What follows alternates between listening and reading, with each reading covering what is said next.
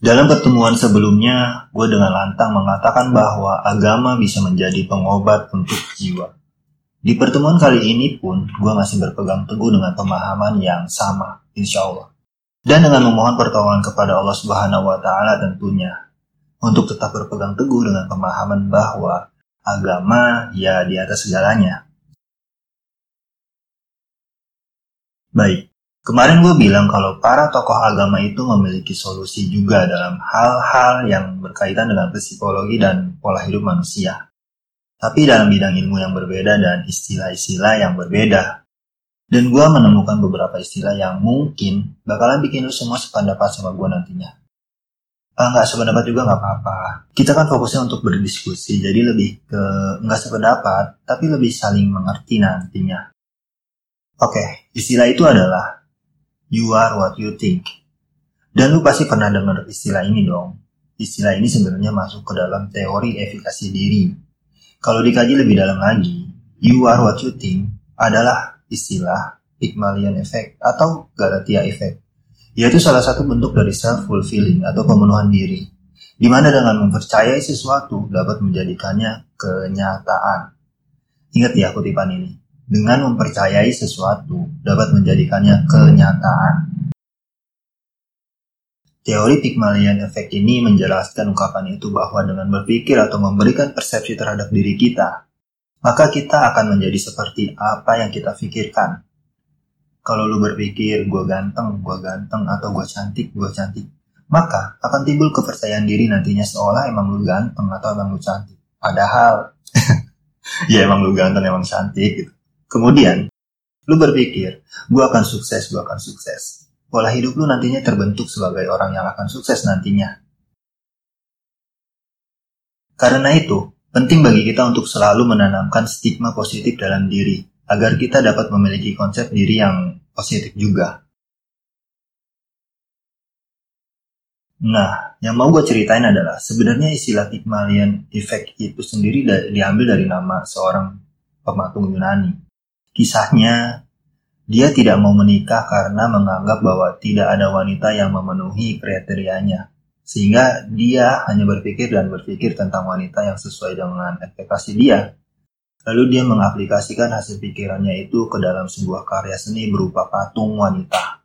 Nah, si patung wanita itu dinamai Galatia. Makanya ada istilah, dua istilah itu. Pygmalion dan Galatia Effect. Singkat cerita si Pygmalion ini berdoa kepada Zeus untuk menghidupkan Galatia. Pygmalion ini tidak menyebutkan patung waktu berdoa, tapi dengan penuh keyakinan dia menyebutkan bahwa nama si Galatia ini seolah-olah Galatia adalah makhluk atau pasangan aslinya. Lalu, seperti kebanyakan khayalan pada kisah-kisah mereka, ya si Pygmalion ini mencium Galatia, patung tadi. Dan enging patung itu membalas ciumannya dan dia hidup hidup. Dalam kisah dia pun punya anak gitu bahagia bersama. Amin blowing banget pokoknya kan kalau kalian mengkaji istilah-istilah itu. Dan percaya nggak percaya ini dikaji beneran dikaji menjadi sebuah studi oleh para psikolog untuk mengembangkan persepsi stigma serta konsep dari diri manusia. Lalu muncullah istilah Pygmalion Effect atau dalam bahasa umumnya you are what you think.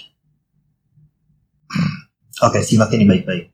Gue udah bilangin sebelumnya bahwa psikologi modern adalah adaptasi dari filsafat kuno yang dimodernisasi. Orang-orang merasa keren ketika mempelajari hal-hal itu. Ya, nggak masalah, atau berguna juga kan buat orang banyak. Cuma di sini sebagai teman mengaji,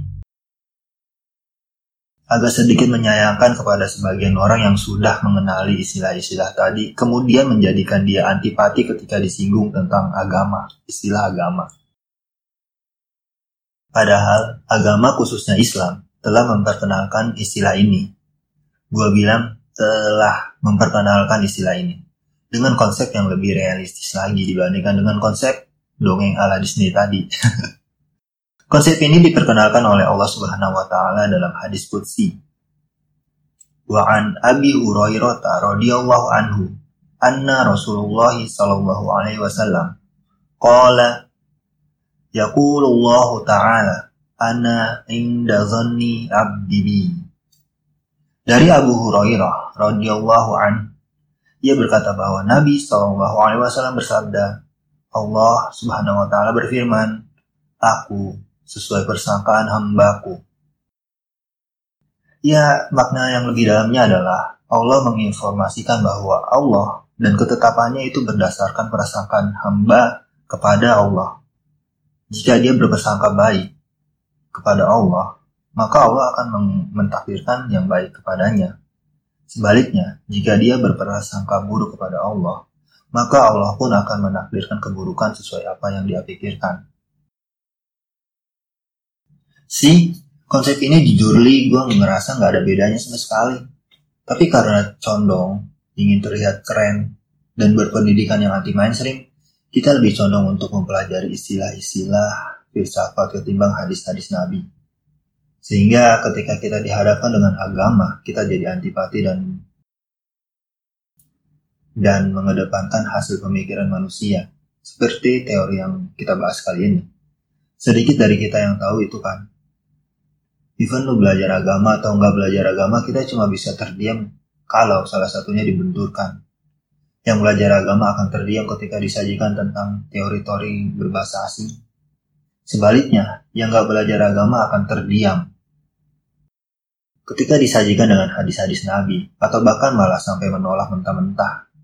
Padahal agama itu adalah penunjang ilmu dunia, dan sebaliknya ilmu dunia adalah anak pinak dari pemikiran agama.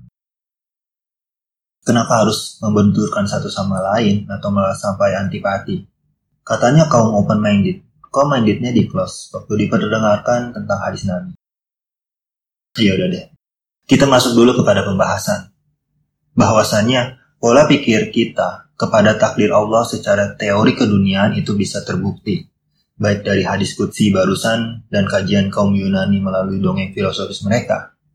Itu terbukti. Jadi jika suatu saat nanti kalian mendatangi ahli agama dan kalian mengeluh tentang kehidupan kalian yang gitu-gitu aja, mungkin mereka akan menggunakan hadis kutsi ini. Dan jika kalian mendatangi pakar kejiwaan atau psikolog psikiater atau sejenisnya, maka kalian akan disajikan dengan teori Pygmalion Effect ini. Allah a'lam. Bedanya di mana? Bedanya adalah soal ketuhanan. Tentu, sebagai teman mengaji kalian, gue akan menyarankan untuk mengokohkan diri kalian kepada apa yang telah Rasulullah SAW ajarkan. Dan gue rasa itu amat sangat cukup. Baik untuk kesehatan mental kita, juga cukup untuk self-development, cara menjadi pribadi yang lebih baik lagi. Teori tentang berpikir positif ini pun sebenarnya udah jadi pembahasan banyak orang. Apalagi kalau kalian yang pernah baca buku tentang filosofis teras. Para penganut stoik pasti tahu tentang kutipan ini. Bahwa peristiwa buruk, kondisi yang tidak menyenangkan, dan musibah adalah fakta hidup. Tetapi bukan itu semua yang membunuh kita, melainkan apa yang kita pikirkan tentangnya. Ini kan yang dimaksud. Ini sengaja gue geser pemahamannya ke dalam ranah agama. Sebab sumber ilmu yang mau gue kasih tahu sebagai teman mengaji adalah perihal agama. Oke okay, kan? Dalam kutipan itu bahwa kenyataan hidup memang gak selalu menyenangkan, tapi yang menghancurkan lu itu adalah pola pikir lu sendiri tentang, tentang kehidupan ini. Apalagi di dalam agama ini, di dalam hadis kudsi itu yang dimaksud adalah pola pikir kita tentang pemilik kehidupan ini. Kan pola pikir yang positif akan membuat tingkah laku yang positif juga. Apalagi soal kehidupan yang memang adalah milik Tuhan, milik Allah Rabbul Alamin. Kita harus berpikir positif atas segala ketentapannya. Oh iya, tapi ketika kita memiliki pola pikir yang positif terhadap takdir Allah, kita juga perlu tahu batasannya. Soalnya kita bisa terjerumus dalam teori yang lain soal positif-positif ini. Mungkin nextnya kita bakal bahas ini. Insya Allah judulnya toxic positivity dalam pandangan Islam. Ya biar nggak ketinggalan follow aja terus dan nyalain loncengnya. Oke kayaknya udah kepanjangan dan mungkin kalau merasa memang belum cukup nanti gue akan tambah lagi. Sekarang kayaknya udah aja dulu dicukupkan. Kalau ada yang kurang dari gue atau salah-salah kata mohon dimaafkan ya. Gue pamit undur diri, nanti kita ketemu lagi sambil ngopi. Assalamualaikum warahmatullahi wabarakatuh, Besti.